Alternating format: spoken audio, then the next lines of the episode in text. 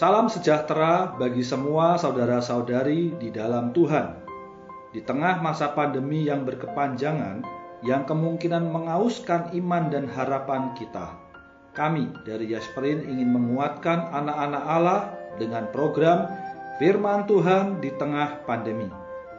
Dalam keadaan seperti saat ini, kita memerlukan firman Dia yang menopang segala yang ada dengan firman-Nya yang penuh kekuasaan. Dalam kesempatan ini, saya akan menyampaikan firman Tuhan yang berjudul Tuhan itu baik.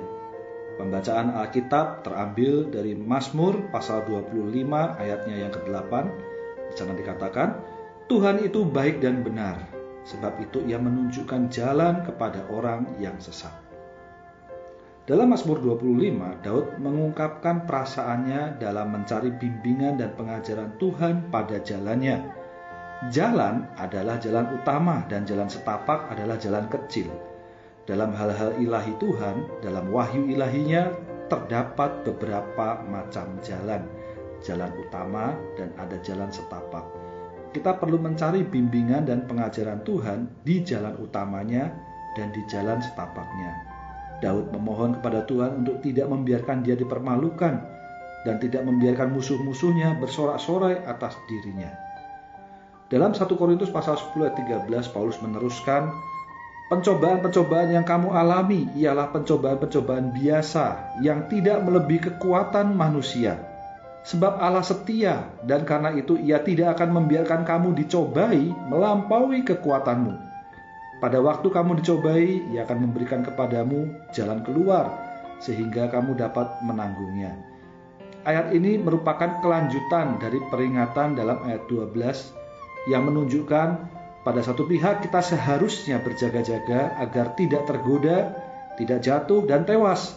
Pada pihak lain menunjukkan bahwa Allah di dalam kesetiaannya tidak akan mengizinkan pencobaan apa pun menimpa kita melampaui apa yang dapat kita tanggung.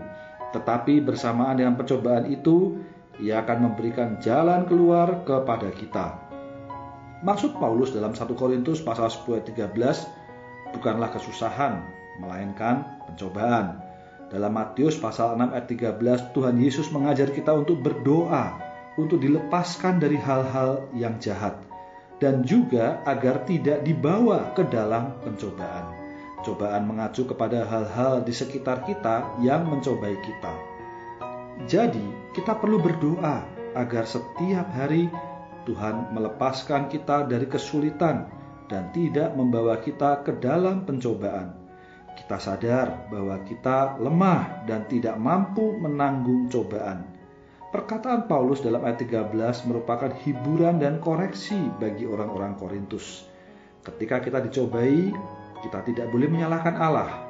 Menurut ayat ini, tanggung jawab dicobai terletak pada kita.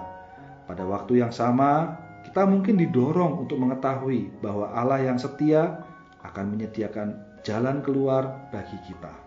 Demikianlah firman Tuhan. Kasih karunia Tuhan Yesus Kristus menyertai kita semua. Amin.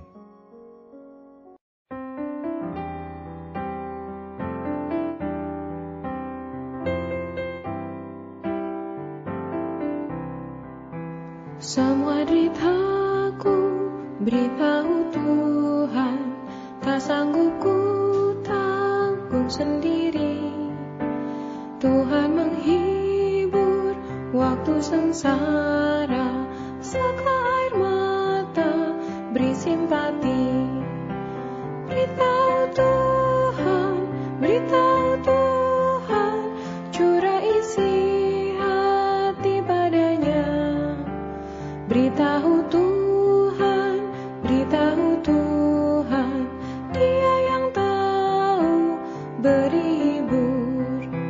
Semua susahku beritahu Tuhan Tak bisa aku hadapinya.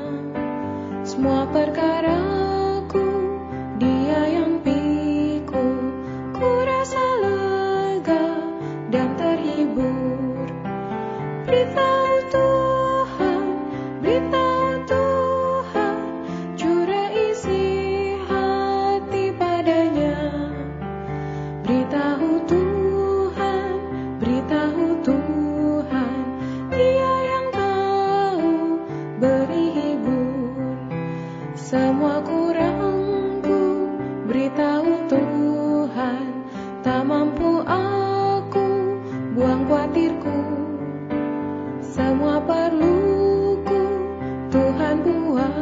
menemukan nikmat kayanya limpah sungguh.